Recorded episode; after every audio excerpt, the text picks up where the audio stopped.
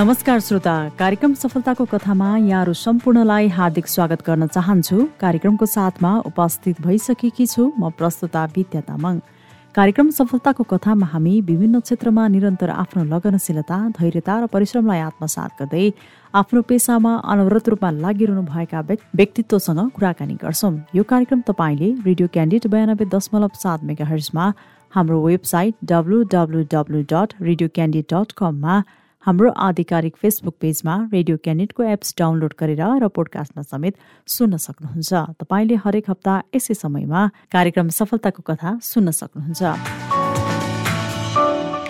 आज हामीसँग हुनुहुन्छ युवा उद्यमी दिनेश खड्का जो जुम्लामा उत्पादित स्याउलाई काठमाडौँमा निर्यात गर्दै आउनु भएको छ। विगत पन्ध्र वर्षदेखि उहाँले त्यहाँ उत्पादन भएको अर्ग्यानिक स्याउलाई काठमाडौँमा आयात गर्दै आउनु भएको छ। उहाँले स्याउ फार्म पनि सञ्चालन गर्दै आउनु भएको छ र यतिले मात्र पनि पक्कै पनि उहाँको परिचय भने पर्याप्त छैन। उहाँले नेपाली कपडालाई नेपालमै उत्पादन गरेर आत्मनिर्भर बनाउनु पर्छ भन्ने सोच बोकेर यहाँ नै कपडा उत्पादनको लागि पनि फ्याक्ट्री सञ्चालन गर्दै आउनु भएको छ। कार्यक्रममा म उहाँलाई ढिला नगरी स्वागत गर्न चाहन्छु। कार्यक्रम सफलताको कथामा यहाँलाई स्वागत छ। धन्यवाद।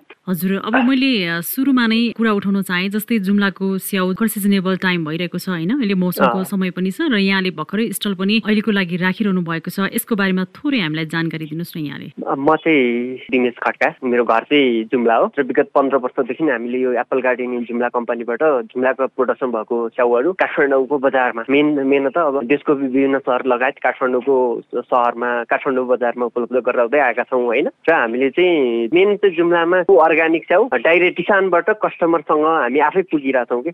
त्यो किसानको हामी चाहिँ आफै किसान पनि हो मेरो घरमा पनि उत्पादन हुन्छ अलिकति। क्याप गरेर हामीले चाहिँ काठमाडौँको बजारमा उपलब्ध गराउँदै। अब यो वर्ष पनि हामी प्रत्येक वर्ष बानेश्वरमा रहेको अलिनोल मार्टको अलिनोल मार्टमा चाहिँ हामी उपलब्ध गर्छौँ। सधैँ चाहिँ यो वर्ष पनि त्यहाँ चाहिँ हामी अब हिजोबाट स्टार्ट गरिसकेको हजुर अब यहाँले भने जस्तै विगत पन्ध्र वर्षदेखि एउटा जुम्लामा जन्मेको हिसाबले पनि होइन त्यहाँको उत्पादन भएको अर्ग्यानिक स्याउलाई चाहिँ काठमाडौँमा आयात गरिरहनु भएको छ होइन। जुन यो पक्कै पनि एउटा व्यवसायको हिसाबले पनि र एउटा कृषि क्षेत्रलाई अझ उकास्ने हिसाबले पनि पक्कै पनि यो प्रेरणादायक छ। र यो सँगसँगै कतिपय कुराहरू उठ्ने गर्छन्। अब जुम्लाको स्याउ काठमाडौँसम्म आइपुग्दाखेरि अलिकति महँगो पर्छ होइन बाहिरबाट आयात गरेको भन्दा भन्ने पनि सुनिन्छ। यहाँले चाहिँ कसरी त्यसलाई चाहिँ बिक्री वितरण त्यो एकदमै गलत कुरा हो बाहिरको स्याउ जस्तो अब जो त हामी चाहिँ फिल्डमा काम गरेका छौँ जस्तो हामीले अहिले पनि बानेश्वरमा एक सय पचास रुपियाँ केजीमा बेचिरहेको हामीले चाहिँ विगत झन्डै बाह्र वर्षदेखि नै एक सय बिसबाट अहिले जम्मा एक सय पचास पुगेको छ होइन? कम्पराइज गर्नु मार्केटमा स्याउ जम्मा अहिले झन्डै तिन सय भन्दा स्याउ तल कुनै पनि स्याउ छ जस्तो लाग्दैन मलाई। किनभने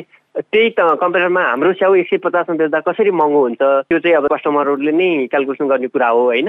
र अब स्याउको कुरा गर्दा फर्स्टमा हामीले ल्याउँदाखेरि हामी दुई तिन वर्ष सक्सेस भएको होइन किनभने एउटा उखान छ नि नेपालीमा। आलोचनाले मान्छेलाई कमजोरी होइन कि अझै साहसी अनि सत्यवादी बनाउँछ जस्तो हामीलाई सुरुमा ल्याउँदाखेरि दुई तिन वर्ष कम्प्लिटली लस भएको थियो अनि बिस्तारै बिस्तारै हामीले चाहिँ पहिला हामीलाई मार्केट थाहा थिएन होइन? अब हामीलाई चाहिँ कसरी ल्याउँ जुम्लाबाट यहाँ ल्याउँदा पहिला हामीले बोरामा हालेर ल्याएको थियो सुरुमा होइन? अनि त्यो धेरै यावत कुराहरू थाहा थिएन अनि हामीले त्यसपछि त्यो दुई तिन वर्षको टाइममा हामीले चाहिँ के सिक्यौँ भन्दा एउटा चिज चाहिँ फलो गर्नुपर्छ जो चाहिँ हामी किसान पनि हो किनभने मेरो घरमा आफै मैले नै लाएको बोर्डहरू उत्पादन प्रोडक्सन हुन थालेँ होइन? अहिले पनि तिनीहरूले फल दिन थालेँ। भनेपछि म किसान पनि हो र म आफै अन्तिम कस्टमरसँग पुग्नुपर्छ। हामीले त्यो फलो गऱ्यौँ क्या जस्तो आफै किन किसान भएको रिटेल बिचमा होलसेल कोही पनि प्याकेट गरेर हामी आफै नै किसानसम्म पुग्यो भने त सस्तो पऱ्यो नि त। होइन र? मान्छेहरू हामीबाटै लगेर जस्तो जस्तो बिचलियाहरूले जाँदा चाहिँ अब जस्तो मैले कुन कहिलेकाहीँ भाटबाट नि यस्तो ठुल्ठुलो मार्केटहरूमा देखिरहेको हुन्छौँ। मुस्ताङ स्याउ जुम्ला स्याउ झन्डै तिन सय पचास त्यो त्यो कम्पेरिजमा चाहिँ महँगो हो। तर हामीसँग पुग्दाखेरि किसानहरू अहिले पनि तपाईँहरू आउनु एक सय पचासमा हामीले बानेश्वरमा दिइरहेछौँ। हजुर भनेपछि यहाँले जुन एउटा व्यवसाय सञ्चालन गर्दाखेरि बिचौलियाको प्रवेशलाई चाहिँ पूर्ण रूपमा रोकेर होइन एउटा सर्वसुलभ रूपमा चाहिँ सर्वसुलभ हिसाबले नै बिक्री गरिरहनु भएको छ भन्ने कुरा गर्नुभयो। त्यस्तै भएर हाम्रो छेउ सस्तो छ अरूभन्दा राम्रो पनि छ। हन्ड्रेड पर्सेन्ट अर्ग्यानिक पनि हो। होइन अब जस्तो कति मान्छेलाई अर्ग्यानिक के हो भन्ने थाहा छैन कि। तपाईँ अर्ग्यानिक भनेको के हो भने कुनै पनि केमिकलहरू युज नभएको चिज अर्ग्यानिक हो। अब कतिको क्वेसन के आउँछ भने कसरी चिन्ने त होला। एकदम साधारण चिज छ यो स्याउ चाहिँ अर्ग्यानिक हो कि होइन भनेर चिन्न चाहिँ म सिम्पल उदाहरण दिन्छु होइन। ग्राहकहरूलाई चाहिँ कसरी चिन्ने भने जस्तो हाम्रो एउटा स्याउ जुम्लाको स्याउ एउटा मार्केटमा किन्नुहोस् र एउटा फुजी किन्नुहोस् र त्यो दुइटैलाई छुट्टा छुट्टैमा हन्ड्रेड डिग्री पानीमा उमाल्नुहोस् क्या। तपाईँलाई त्यहीँनिर थाहा हुन्छ बाहिरको छेउको मैनहरू हरेक कुराहरू युज भएको छ त्यो ब्लोड जस्तो पानी आउँछ कि खालको हन्ड्रेड डिग्री पानीमा? तर हाम्रो छेउमा पानीको पानी हुन्छ कि? भनेको त्यहीँनिर कस्टमरले छुट्याउन सक्नुहुन्छ कुन चाहिँ अर्ग्यानिक हो? जस्तो एउटा स्याउबाट हामी कति मैन खाइरहेछौँ होइन? यसको स्वास्थ्यलाई कति बे नेगेटिभ थिङ ऊहरू छ त्यहीँनिर हामी थाहा पाउँछौँ कि? अर्ग्यानिक जस्तो क्वेसन चाहिँ अर्ग्यानिक धेरै आइरहेको हुन्छ कि मार्केटमा? सबभन्दा सबै ठाउँ आउने कुरा कसरी चिन्ने त अर्ग्यानिक भन्ने कुरा? त्यो चाहिँ हो। सजिलो आफै नै छुट्याउन सक्छौँ। हजुर भनेपछि नेपालको शुद्ध अझ त्योमा पनि हिमाली भेगमा पाइने जुम्ला होइन? जुन एउटा नेपालकै प्रसिद्ध स्याउ खेतीको रूपमा पनि रहेको छ।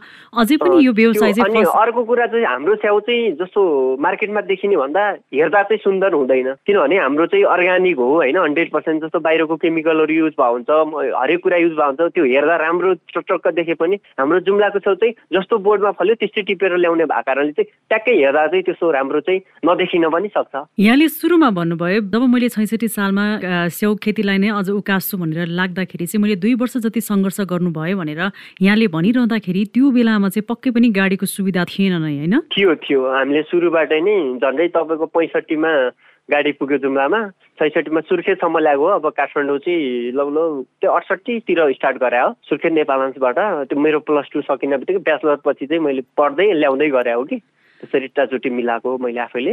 अनि यहाँलाई चाहिँ अब यो पेसामा नै मन लाग्छु। एउटा जे भए पनि त्यहाँको कृषि क्षेत्रको उत्पादनको रूपमा स्याउ खेतीलाई चाहिँ अझ फस्टाउँछु भन्ने सोच कसरी आयो त्यो बेलामा?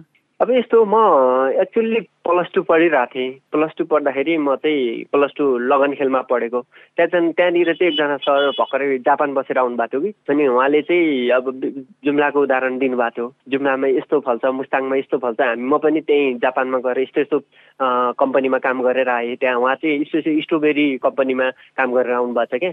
अनि मलाई चाहिँ यसरी लिभिङ गर्दा यसरी गर्दा त्यहाँको मार्केटले पाउँछ जस्तो उहाँले कुरा गर्नुभयो। अनि मलाई चाहिँ ख्याल के आयो भने मेरो घरमा मैले मैले जन्मेको घर होइन मैले लाला गर्दा गर्दै खेरेको आँगनमा स्याउ उत्पादन हुन्छ। म त स्कुलबाट घर आउँदा पनि नास्ताको टाइममा स्याउ खाने हो होइन सिजनमा। अनि मेरो घरमा मैले किन नगर्ने त? म अझै पढेर पनि विदेश किन जाने त होइन? मेरो दाजुभाइहरू मेरो कैयौँ साथीहरू विदेशमा छन् अहिले पनि होइन? सधैँ तर मैले केही यहीँ गरेर गर्नुपर्छ भन्ने सोचका साथ मेरो चाहिँ सुरुदेखि नै अन्त्यसम्म स्याउ भयो। अहिलेसम्म कन्टिन्यू चलिरहेछ स्याउ चाहिँ। हजुर अब जुम्लामा चाहिँ स्याउ खेती चाहिँ कुन कुन सिजनमा चाहिँ लगाइन्छ? अब हाम्रो चाहिँ स्पेसल्ली फागुनमा चाहिँ बोटहरू रोप्ने हो होइन? अब भनेको मतलब त्यो स्याउ भनेको धान जस्तै जस्तो आज रोप्यो एकै वर्षमा सकिने चिज होइन। त्यो एक वर्षमा फल्ने पनि होइन। जस्तो फागुनमा रोप्यो भने त्यसको पाँच वर्षपछि त्यसले चाहिँ फल दिन थाल्छ कि। एटलिस्ट पाँच वर्षसम्म चाहिँ ऊ बढ्न हुर्किन लाग्छ। अनि त्यसको एक एउटा स्याउको आयु हन्ड्रेड पर्सेन्ट एउटा मान्छेको आयु हुन्छ कि। यहाँले यसरी स्याउ उत्पादन गरिरहँदाखेरि होइन वार्षिक रूपमा चाहिँ अब सिजनको बेलामा त यहाँले पक्कै पनि काठमाडौँ त्यसलाई आयात गर्नुहुन्छ होइन। वार्षिक रूपमा चाहिँ अनुमानित चाहिँ कति जति चाहिँ यहाँले आयात गर्नुहुन्छ जुम्लाबाट? जुम्लाबाट मैले त्यही वर्षमा त्यही तिस पैँतिस टन जस तिन गाडी चार गाडी ल्याइरहेको हुन्छ। योचोटि पनि दस टन आयो अब फेरि आउँदैछ है। त्यही तिस बत्तिस टनको आटारीमा हामीले उत्पा ल्याउँछौँ जुम्लाबाट। भनेपछि वार्षिक रूपमा चाहिँ तिस हजार तिसदेखि बत्तिस टनसम्म चाहिँ तिस बत्तिस हजार केजी आउँछ। हजुर अनि यहाँले आफ्नो घरमा पनि लगाइरहनु भएको छ फार्म खेती स्याउको भन्नुभयो होइन? त्यहाँ चाहिँ हाल कति उत्पादन हुन्छ एउटा मेरो अब मेरो चाहिँ एप्पल गार्डन इन जुम्ला भन्ने पेज नै छ फेसबुकमा त्यहाँ धेरै मान्छे इन्भल्भ हुनुहुन्छ झन्डै अस्सी नब्बे हजारजना इन्भल्भ हुनुहुन्छ होइन? अनि त्यहाँ मेरो आफ्नै गार्डनको बनाएको क्या मैले। किनभने त्यो अब काठमाडौँको ओल्ड एज मार्केटलाई पनि अहिलेको हाम्रो भने त्यो एउटा अब हामी जस्तो पढे लेखो युवा भने टेक्निकलको एउटा अपर्च्युनिटी पनि हो। जस्तो मान्छे विदेशमा बसेर पनि एक खालको ए जुम्लामा यस्तो भइरहेछ भन्ने हेर्न पाउने हेतुले मैले चाहिँ यो एप्पल गार्डन इन जुम्ला भन्ने पेज बनाएको छु। त्यहाँ चाहिँ मेरो आफ्नो गार्डनको त्यहाँ चाहिँ हरेक कुरा त्यहाँ चाहिँ सबैलाई इन्फर्मेसन लिन पनि सकिन्छ श्रोताहरूले होइन। अनि मेरो आफ्नैमा चाहिँ अहिले झन्डै एक सय पचहत्तरवटा रुख छ त्यो सबैले फल दिन थाल्यो अहिले। अहिले चाहिँ मैले भर्खरै मैले त्यो आफै नै लिज बनाएर जग्गाहरू आफ्नो थियो साथीहरूको थियो सबै लगेर अनि त्यसलाई चाहिँ अहिले ग्रेडिङ स्टाइलले बनाएर अनि झन्डै अहिले अब अझै कम्प्लिटली दिन थालेको छैन अलिअलि चाहिँ दिन थालेको छ कि। हजुर अब यहाँले जुन त्यो बोटहरू लगाइरहनु भएको छ अब एक सयदेखि बढीको हाराहारीमा त्यसलाई स्याहार्न चाहिँ कतिको आवश्यक छ? एकदमै त्यो त एकदमै त्यो अब जस्तो यो एग्रिकल्चर भने कस्तो लाग्छ भने बोल्ने शब्द बोल्नेलाई शब्द भन्दा त्यो फिल्डमा काम गर्न चाहिँ एकदम गाह्रो छ कि? जस्तो अहिले तपाईँ हामी बिच यस्तो कुरा हुनु र त्यहाँ फिल्डमा काम गर्नु त्यो अनएक्सपेक्टेड कुरा हो कि? जस्तो त्यो च्याउ हुर्काउनलाई मैले निकै नै मिहिनेत गर्नु पऱ्यो कतिवटा फेरि मऱ्यो फेरि लगाएँ होइन? अब आफैलाई अब हन्ड्रेड पर्सेन्ट त्यहाँ टाइम दिन पनि सकिँदैन। सुरुमा त त्यो घेरबारको समस्या आयो होइन? जालीहरू त्यो ठाउँमा जालीहरू लगेर हेर हेरबार गर्ने पनि अवस्था गाह्रो थियो।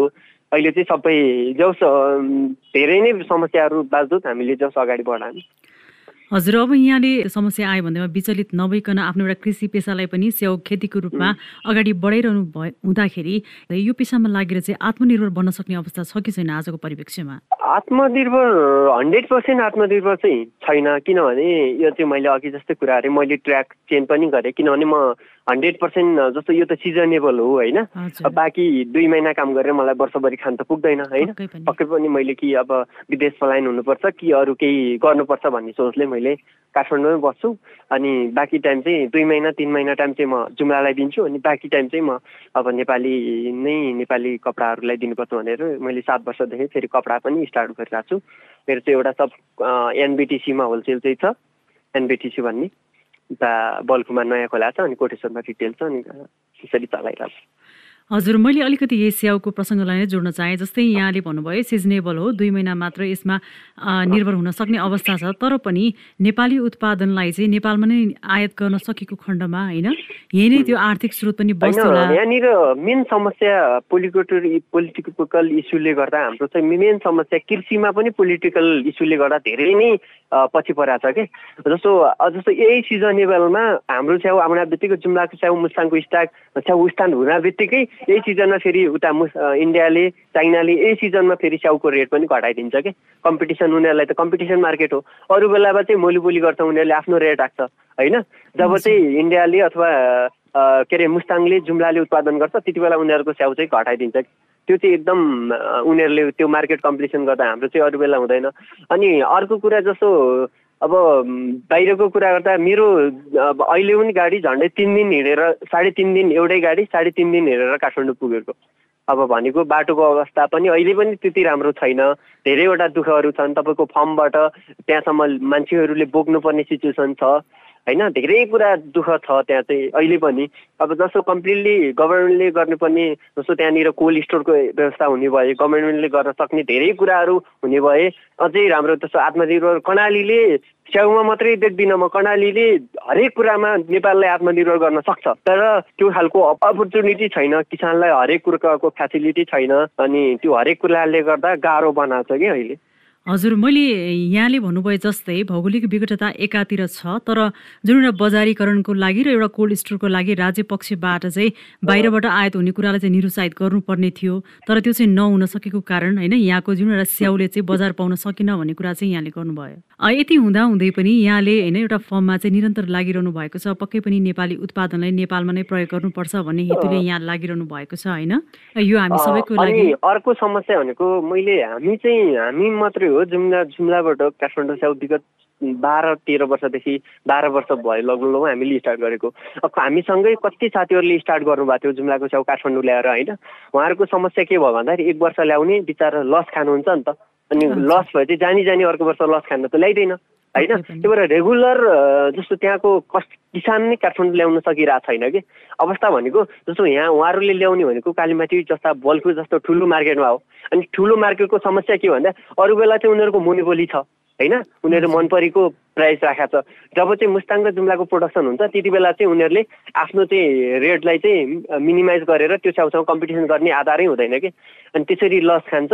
अनि अर्को कुरा हाम्रो कुरा हाम्रो छेउ चाहिँ अर्ग्यानिक हुन्छ हन्ड्रेड पर्सेन्ट अर्ग्यानिक भएको कारणले बाहिरी बजारसँग हेर्दा चाहिँ राम्रो हुँदैन कम्पिटिसन गर्न सक्दैन। अनि त्यसले पनि मूल्य पाउँदैन कि? अनि त्यसले गर्दा कतिपय किसान किसानहरूले फर्स्ट वर्ष काठमाडौँलाई लस खान्छन् ल्याउँदै ल्याउँदैनन् कि? कन्टिन्यू ल्याउने एकदमै कम भेटिनुहुन्छ त्यो चाहिँ एकदमै गाह्रो छ। जस्तो सबैले किसानहरूले ल्याएको भए अझै राम्रो हुन्थ्यो अझै प्रचार हुन्थ्यो काठमाडौँ भरि पुग्थ्यो। जस्तो त्यसरी सबै किसानले यहाँ आउने अपर्च्युनिटी पाएको भए राम्रो हुन्थ्यो। हजुर त्यसको लागि चाहिँ राज्य पक्षबाट पनि एउटा बाहिरबाट यो सिजनेबल बेलामा चाहिँ आयात हुने कुरालाई चाहिँ निरुत्साहित गर्नु पर्यो र एउटा बिचौलियाको जुन एउटा प्रवेश छ त्यसलाई पनि रोक्नु पर्यो भन्ने कुरा चाहिँ यहाँले गर्नु आयात अथवा ट्याक्स उनीहरूको ट्याक्समा किलो गरिदिने रेटहरूमा जस्तो बाहिरको स्याउ महँगो पर्यो हाम्रो स्याउ सस्तो पऱ्यो भने मान्छेले खान्छ नि त। जस्तो हामीसँग जोडिएका झन्डै दसदेखि बाह्र हजार कस्टमर जोडिनुहुन्छ वान वान इयर्समा होइन? इन्डाइरेक्टली रूपमा जस्तो हाम्रो रिसेलहरू पनि छ अलिकति। अब तिनीहरू सबै गरेर। उहाँहरू चाहिँ हन्ड्रेड पर्सेन्ट यो सिजनमा हाम्रै स्याउ खानुहुन्छ कि? हजुर विभिन्न सङ्घर्षका बावजुद पनि चुनौतीका बावजुद पनि यहाँले यो पेसा गरिरहनु भएको छ होइन? एउटा फार्म खेती स्याउको गरिरहनु भएको छ। पक्कै पनि हामी सबैको लागि यो प्रेरणादायक नै छ र सुन्ने श्रोताहरूले पनि पक्कै पनि यो कुराको जानकारी लिनुभयो होला भन्ने आशा गर्दछु। र अर्कोतिर मैले जोड्न चाहेँ अघि यहाँले भन्नुभयो विगत सात वर्षदेखि नेपाली उत्पादन नेपालमा उत्पादन भएको कपडालाई प्रेरणा दिने हिसाबले अथवा भनौँ यसलाई चाहिँ प्रोत्साहित गर्ने हिसाबले यहाँले त्यो व्यवसाय पनि सम्हालिरहनु भएको छ होइन? जब स्याउ खेती हुँदैन भन्नुभयो। यसको बारेमा पनि हामीलाई थोरै जानकारी अब यसको चाहिँ मलाई कस्तो भने जस्तो स्याउ सिजन हामीले जस्तो भदौमा स्टार्ट गऱ्यौँ होइन उत्पादन गऱ्यौँ के अरे ल्यायौँ बजारमा सक्यौँ। अब बाँकी दुई महिनाले त वर्षभरि पुग्दैन। के गर्ने त भन्दा अब कि अब त्यो सबै काम छोडेर विदेश हिँड्नु पऱ्यो होइन? कि त अब आफ्नै देशमा के गरौँ भन्दाखेरि अनि सात वर्षबाट सोच आयो। मैले चाहिँ अब हुन्छ अब देशमै केही गर्ने सोचले अब एउटा सप स्टार्ट गरेको थिएँ मैले। अनि ठिकै राम्रै भयो। अनि बाहिरबाट सामान पनि अब जस्तो अहिले तपाईँको बनेको सामान आउनु र कपडा मात्रै आउनुमा डिफ्रेन्स छ। अब कपडा पनि सायद हाम्रो देशमा प्रोडक्सन हुँदैन अझै राम्रो हुन्थ्यो। तर कपडा चाहिँ त्यो सम्भव छैन अहिले तत्कालको लागि।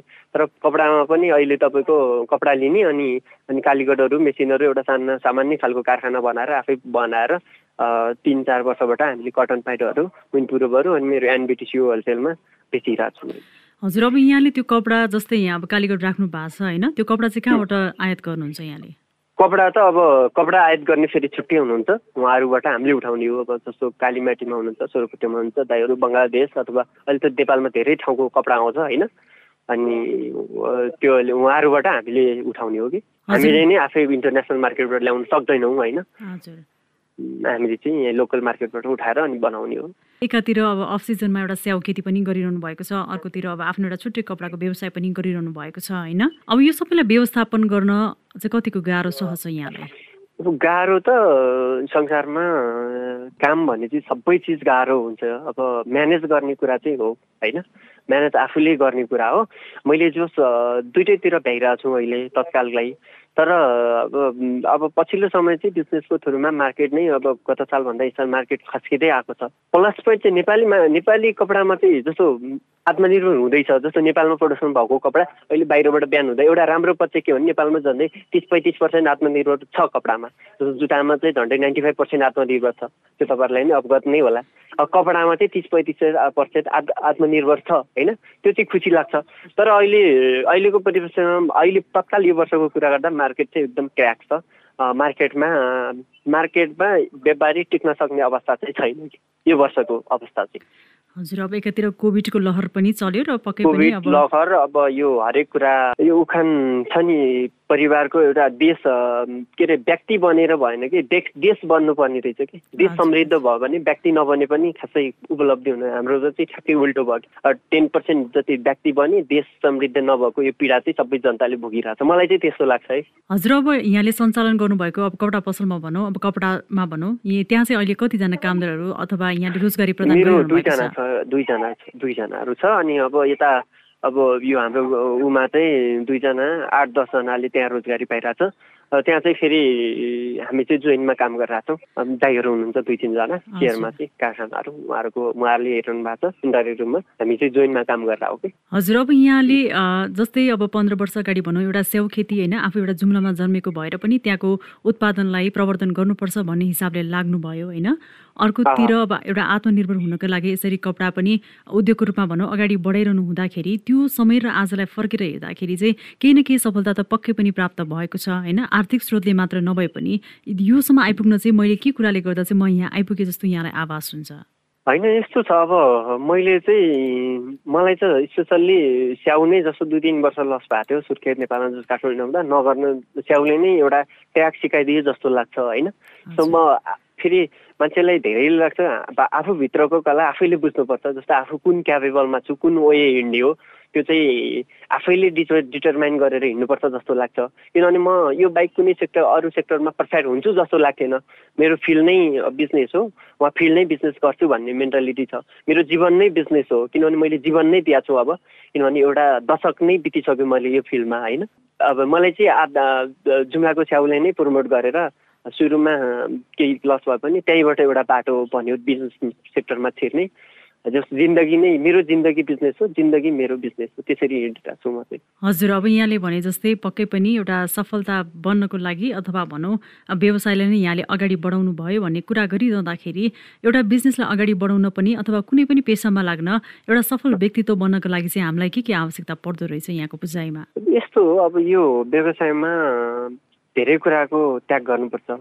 जस्तो आफ्नो हेलदेखि लगेर जस्तो कति ठाउँ बन्द आफू बिरामी भएर पनि अब बावजुद पनि आउनुपर्ने सिचुएसन हुन्छ हिँड्नुपर्ने सिचुएसन हुन्छ। जस्तो अब जस्तो अब साथीभाइहरू कति भाइहरू अब कति प्रोग्राममा हिँडेर आउँछन् कति अब घुम्न जाम टुर गाउँ यस्तो कुरा छ। त्यो कुराहरूलाई चाहिँ त्याग्नुपर्ने हुन्छ होइन? बिजनेस फिल्डमा जस्तो भने जस्तो सबैको चिज अब टाइम खानेदेखि हेल्थको नाममा पनि एकदमै समस्या हुनसक्छ। जस्तो तपाईँको टाइम पिरियडै मिल्दैन खानेकुराहरू कति अब सधैँ एउटै टाइममा जस्तो तब अफिसली खानेले जस्तो र हाम्रो खानेकुराहरू नै मिल्दैन टाइम केयरमा धेरै कुरामा समस्या छ तर समस्याका बावजुद नि अगाडि जसले बढाउन सक्यो त्यही नै हो सक्सेस हुने भनेको। हजुर भनेपछि आफ्नो जुन पेसा अँगालेको छ त्यसलाई नै हामीले निरन्तरता दिन सक्यौँ भने निरन्तरता चाहिँ दिन सक्नु पर्यो सबैभन्दा ठुलो। अन्तमा मैले यहाँसँग एउटा प्रश्न राख्न चाहेँ जस्तै यहाँ एउटा युवा उद्यमी पनि हुनुहुन्छ होइन? एउटा जे भए पनि जुम्लाको स्याउलाई चाहिँ नेपालमा काठमाडौँमा ल्याएर आयात गरेर एउटा त्यहाँको व्यवसायलाई पनि आर्थिक रूपमा अझ भनौँ त्यहाँको कृषि क्षेत्रलाई आर्थिक रूपमा टेवा पुर्याउने हिसाबले यहाँले पनि योगदान दिनु भइरहेको छ होइन? कतिपय अझ हाम्रो देशमा भनौँ चाहिँ युवा जनशक्तिहरू चाहिँ नेपालमा रोजगारीको अवसर छैन अब विदेश पलायन हुनुपर्छ भनेर हिँडिरहेको अवस्थामा यहाँले चाहिँ प्रेरणादायी काम गरिरहँदाखेरि उहाँहरूलाई चाहिँ यहाँ के सन्देश दिन चाहनुहुन्छ? यस्तो अब नेपालमै पनि अब गर्न सक्यो भने यहीँ पनि अब जस्तो यहीँ पनि तपाईँको जस्तो इन्कम लेभल राम्रो भयो तपाईँको तपाईँले आफैले मोटिभेट गरेर राम्रो लाइफ बनाउनु भने यहीँ पनि विदेशमा गर्ने जति दुःख यहीँ भए पनि हुनसक्छ। किनभने तपाईँको सबैको त्यो टाइम सबैको त्यो प्लेन एजुट न कतिपय बिजनेस गरेर पनि अब केही नगरेर लस भएर बाहिर जाने पनि सिचुएसन देखाएको छु। सबैको लुममा सक्सेस हुन्छ भन्ने पनि हुँदैन। तर तर तपाईँ एटलिस्ट तपाईँ तपाईँ आफ्नो उयोबाट राइट हुनुहोस् होइन? हन्ड्रेड पर्सेन्ट मेहनत तपाईँले भने जस्तो निरन्तरता दिनुहोस्। सक्सेस भइन्छ जस्तो लाग्छ चाहिँ मलाई चाहिँ है। हजुर पक्कै पनि यहाँले भने जस्तै सक्सेस हुनको लागि चाहिँ हामी सबैले जुन एउटा पेसा अँगालेका छौँ त्यसलाई नै निरन्तरता दिन सक्यौँ भने सफल पनि भइन्छौँ र आफ्नो देशमा नै सुरुमा मैले एउटा जोड्न चाहेँ जस्तो सुरुमा मैले चाहिँ गर्दाखेरि फेरि कतिपय मान्छेले जुम्ला कहाँ हो घर जस्तो हाम्रो एटलिस्ट घर सोद्धाखेरि जुम्ला भने चाहिँ जुम्ला चाहिँ नेपालमा पर्छ उता चाइनातिर हो भन्ने मान्छे पनि काठमाडौँमा धेरैवटा भेटेँ कि? सो त्यो त्यो कुराले चाहिँ ब्लेम गर्दो रहेछ क्या कति मान्छेलाई जुम्लाबाट आएर यहाँ पनि बिजनेस गर्न सक्छ र भन्ने कुरा चाहिँ अब त्यही भएर वे हाम्रो चाहिँ ट्रेजेडी र वे चाहिँ फरक हुँदो रहेछ। त्यही भएर जस्तो पश्चिमतिरकै साथीहरू पनि काठमाडौँ आएर कसरी भिज्ने हो जस्तो अब सबै नै काठमाडौँ आएर भिज्न सक्छन् भन्ने हुँदैन। जस्तो उहाँहरू नयाँ साथीले जस्तो कोही काठमाडौँमा जस्तो पश्चिमतिरको अथवा धेरै टाढा भएको जस्तो काठमाडौँमा केही गर्न सकिँदैन होला। यहाँ हाम्रो अब आसन्त हुँदैन। पर्यावरण छरछिमेक हुँदैन होइन? त्यस्तो सोचाइ हुन्छ नि कतिपय म सुन्छु क्या त्यसले चाहिँ तपाईँलाई डिटर्मिन गर्दैन। तपाईँले सबैले राम्रो व्यवहार गर्नुहोस्। अब एकचोटि नराम्रो व्यवहार भयो भने तपाईँ दसौँचोटि नराम्रो व्यवहार होला तर एघारौँचोटिमा तपाईँलाई राम्रो व्यवहार हुन्छ कि?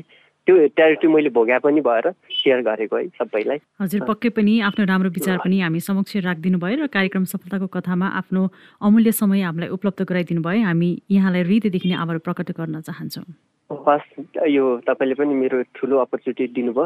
मनमा जुम्लामा भएको अथवा जुम्लालाई चिनाउने अवसर काम तपाईँहरू मार्फत जनतालाई अथवा श्रोताहरूलाई पुग्यो। यस यसमा चाहिँ हामी एकदम धेरै खुसी छौँ। अझ हामीसँग जोडिन चाहनुहुन्छ भने एप्पल गार्डन जुम्ला भन्ने छ। त्यहाँ चाहिँ हामी सबैले जुम्लाबाट अहिले हाम्रो स्याउको मात्रै कुरा भयो। हामी चाहिँ जुम्लाबाट आउने तपाईँको सिमी तपाईँको स्याउको चाना आउँछ ओखर आउँछ राजमा आउँछ हरेक चिज आउँछ। त्यो चाहिँ हामी इन्भल्भ त्यहाँ हुनुहुन्छ। तपाईँले हामी जुम्ला भएको प्रडक्सनहरू तर सिजनेबलमा हामीले चाहिँ उपलब्ध गराउँछौँ। यसै मार्फत हजुरलाई धन्यवाद। आजको कार्यक्रम सफलताको कथामा हामीले युवा उद्यमी दिनेश खड्कासँग कुराकानी गर्यौं। उहाँसँगको कुराकानीले तपाईँ सम्पूर्णलाई प्रेरणा मिल्यो होला भन्दै कार्यक्रमको साथबाट प्राविधिक मित्र गणेश श्रेष्ठसँगै म कार्यक्रम प्रस्तुता विद्या तामाङ पनि विदा हुन्छु। नमस्कार।